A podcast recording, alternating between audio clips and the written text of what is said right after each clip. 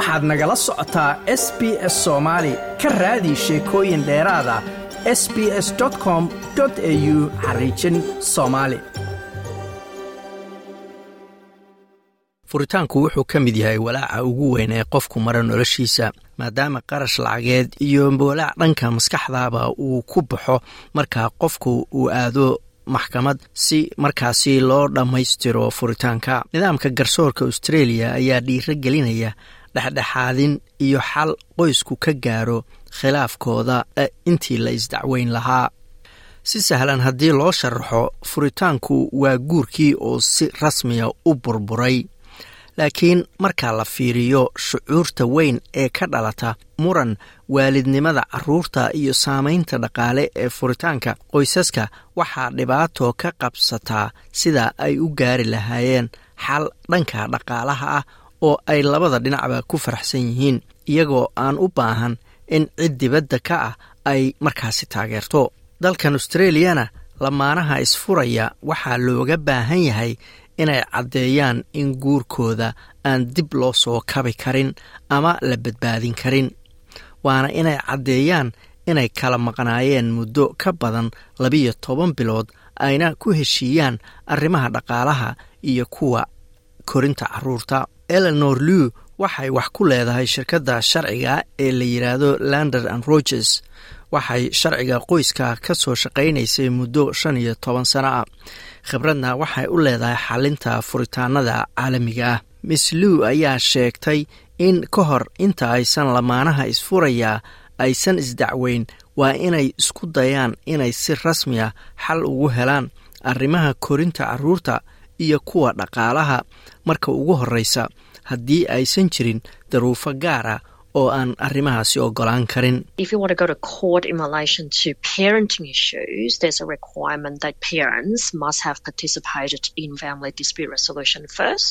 Haddii aad doonayso inaad arrimaha carruur korinta maxkamad u tagto waxaa jira shuruudo lagu xirayo oo ah inay marka hore ka qayb galaan khilaafka khilaaf xalinta qoyska waa nooc dhexdhexaadina oo uu ka caawinayo qof bartay arrimaha xalinta khilaafka qoyska si loo eego inay heshiis ka gaari karaan korinta carruurta yan kale. Marka ay noqoto arrimaha lacagta waxaan ku dhiiragelinaynaa dhinacyada inay isku dayaan inay si kale u xalliyaan marka hore. Maxkamaduhu waxay waayahan dambe doonayaan inay arkaan in dhinacyadu ay ugu yaraan isku dayeen inay wada hadlaan ka hor inta aysan isdacweyn inaad maxkamad tagto waxaa kaaga baxaya tobannaan kun oo dollar waxayna qaadan kartaa bilo. Valery norton waxay ahayd xirfadley aqoonsi ku haysata xalinta khilaafka qoysaska muddo labiyo toban sano ah. Waxay sheegtay in tirakoobku muujinayo in ku dhowaad sagaashan boqolkiiba lamaanaha isfuraya ay iyagu xalliyaan khilaafkooda iyaga oo aan maxkamad tegin. Ka hor iskudayga dhexdhexaadinta miss norton ayaa qiimaysa suuragalnimada in lagu guulaysanayo iyo in kale.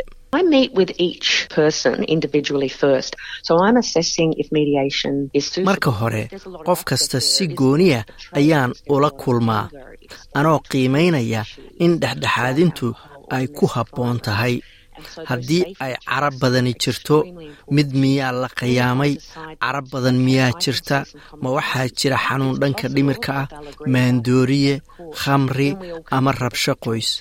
hubitaanka ammaanka ayaa aad muhiim ay ugu tahay ayay tiri. Markaas kadib ayaan go'aansadaa inay jiraan wax isku aragti ay ka yihiin. Waa suuragal inay heshiiyaan iyaga oo aan maxkamad tegin. Markaas kadib ayaan kulan ay wada joogaan isugu nimaadnaa oo aannu markaasi mawduucyada mid mid uga hadalnaa ayay tiri. Inta lagu jira kulanka dhexdhexaadinta miss nuurtan ayaa ka caawisa lamaanayaasha iyo qareemada siday heshiis u gaari lahaayeen. Waxay isku daydaa inay ka fogaadaan shucuurta carada leh ayna taa beddelkeeda ka fakaraan xal ay dhinacyada iyo caruurtuba ka faa'iidaan.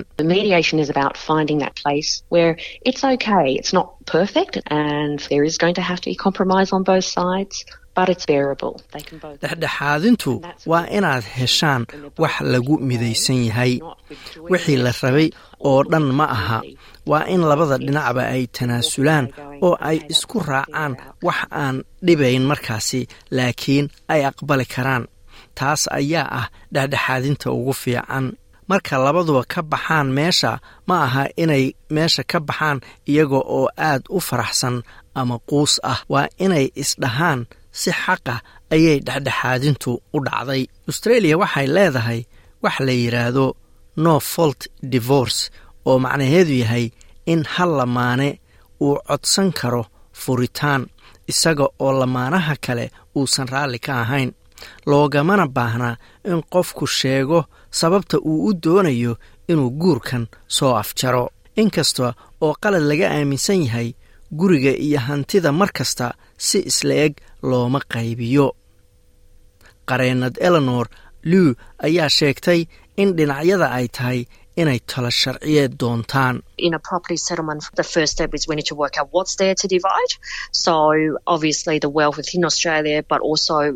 Marka hanti lagu heshiinayo tallaabada koowaad waa inaannu ogaanno waxa la qaybsanayo.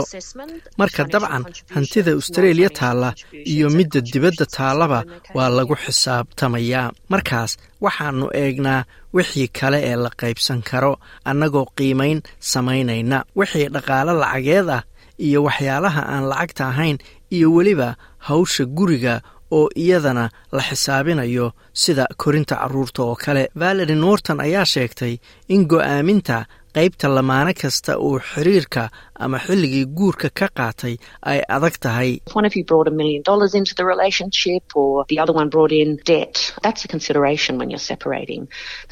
Haddii midkood hal milyan oo dollar uu guurka ku soo kordhiyey ama mid kale uu dayngeliyey markaas arrintaas waa la fiirinayaa marka la kala tegayo. Tan labaad waa waxa aad ku soo kordhisay xiriirka. Mid lacageed ama midaan lacag ahaynba mana aha lacagta aad qaadanaysay ama ku shaqaynaysay sababtoo ah waalidka guriga jooga. Waxaa loo arkaa inuu la mid yahay madax shirkad weyn ka shaqeeya oo qaata hal milyan oo dollar sannadkiiba tan saddexaad ee la eegayo marka hantida la qaybinayo waa in la fiiriyo baahida mustaqbaleed ee lamaano kasta. Waxaa lagu eegayaa da'da lamaano kasta. Waxaa soo geli kara mustaqbalka dakhli ahaan iyo caafimaadka guud ee qofka kuwaas ayaa lagu cabirayaa hadba sida loogu kala qaybinayo hantida meesha taal.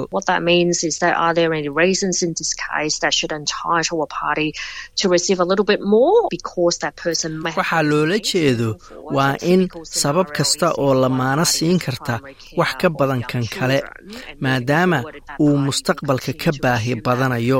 Marka tusaale inta badan dhaca waa in lamaanaha midkood uu ahaa qofka hayay ama korinaya carruurta mustaqbalkana uu sii wadayo doorkaasi ama hawshaasi. sidaas daraaddeed uusan awoodin inuu shaqaysto oo uu dib u galo suuqa shaqada ama waxaa dhici karta inay soo gasho dakhli aad u yar lamaanaha kale. Sababa noocaas oo kale ah ayaa keeni kara in hantida la qaybsanayo lamaano midkood loo badiyo. Dhinacyadu waxay inta lagu jira dhexdhexaadinta xal ka gaari karaan arrimaha haynta carruurta iyo lacagaha. Qareemada ayaa inta badan talooyin siiya lamaanaha waxayna ka qayb qaataan waa qareemadee wada hadalka.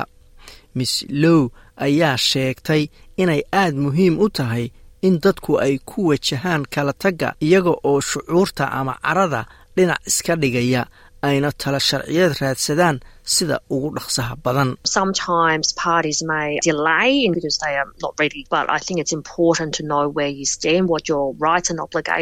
Mararka qaar waxaa dhici karta in dhinacyadu daahiyaan maadaama aysan diyaar ahayn.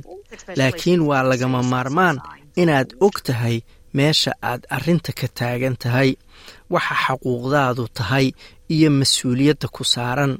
Markaas waa inaad ka fakarto waxa aad doonayso. Laakiin waxay kaloo ila tahay inay aad u muhiim tahay inaad talo sharciyeed doonato sida ugu dhaqsaha badan.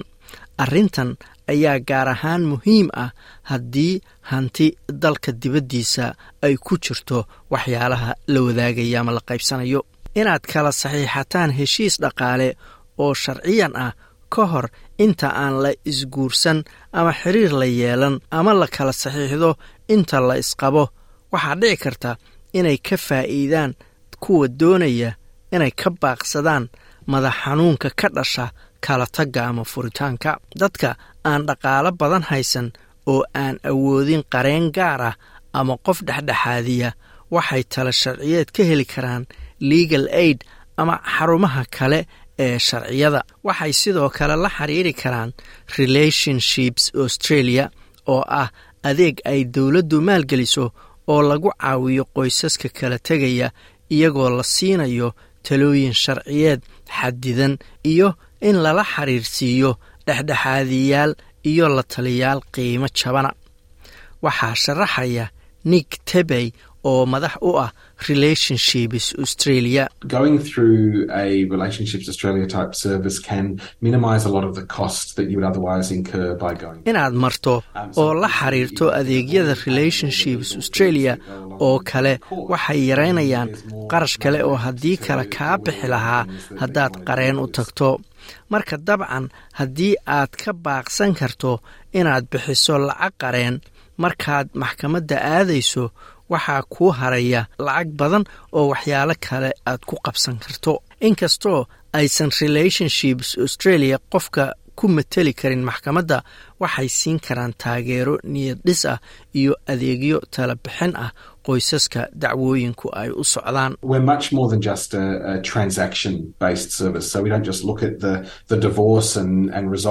Ma nihin oo keliya adeeg dadka wax u kala wareejiya.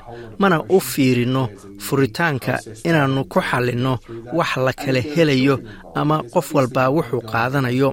Arrimo badan ayaannu qofka ka caawinaa. Shucuuro badan ayaa jira.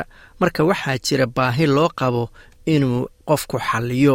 Haddii carruuri jirto dabcan markaas waxaa jira xiriir sii soconaya oo u dhexeeya waalidka xataa markii laysfuro ama la kala tago.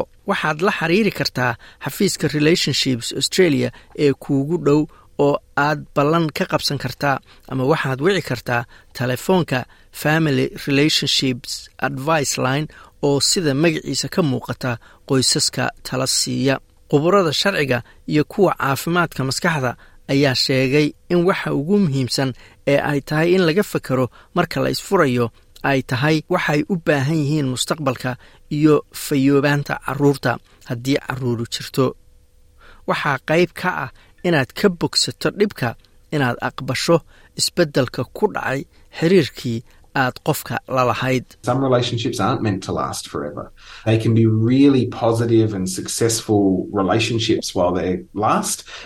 Xiriirada qaarkood loogumaba talagelin inay weligood sii jiraan.